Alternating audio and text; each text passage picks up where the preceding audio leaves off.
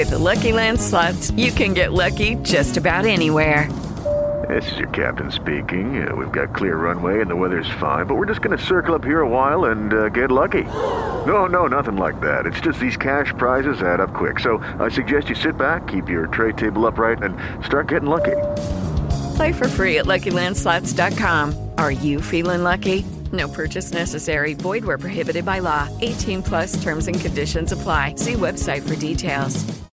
With Lucky Land slots, you can get lucky just about anywhere. Dearly beloved, we are gathered here today to. Has anyone seen the bride and groom?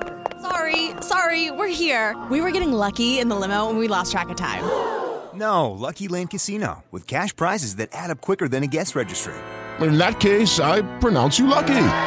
Play for free at LuckyLandSlots.com. Daily bonuses are waiting. No purchase necessary. Void where prohibited by law. 18 plus. Terms and conditions apply. See website for details.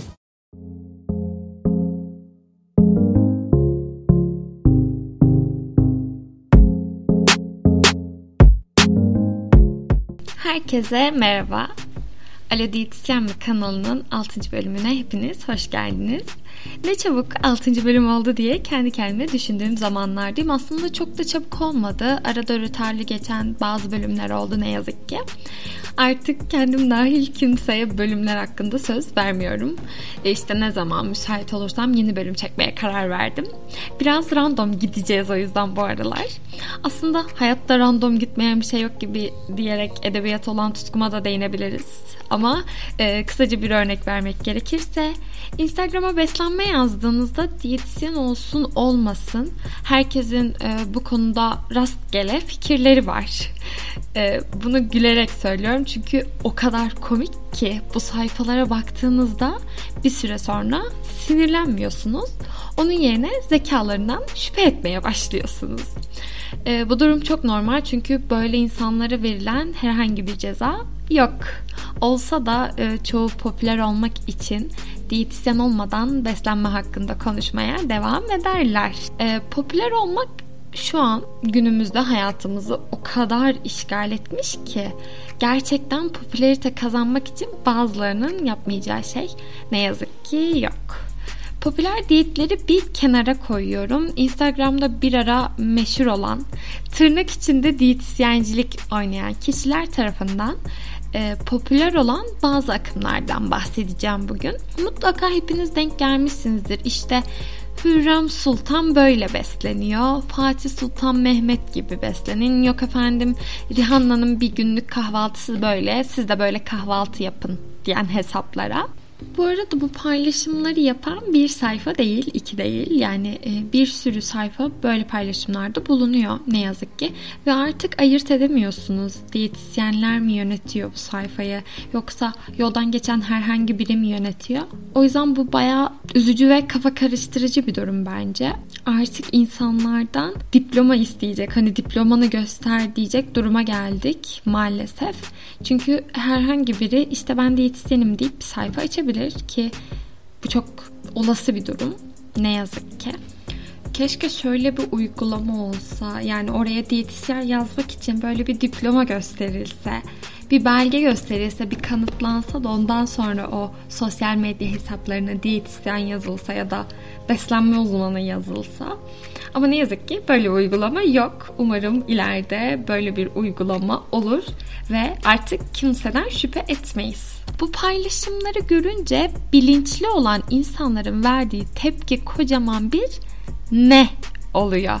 Yani Hürrem Sultan gibi beslenmemizi söyleyen insanların bu paylaşımı yaparken ne düşündüklerini aşırı merak ediyorum.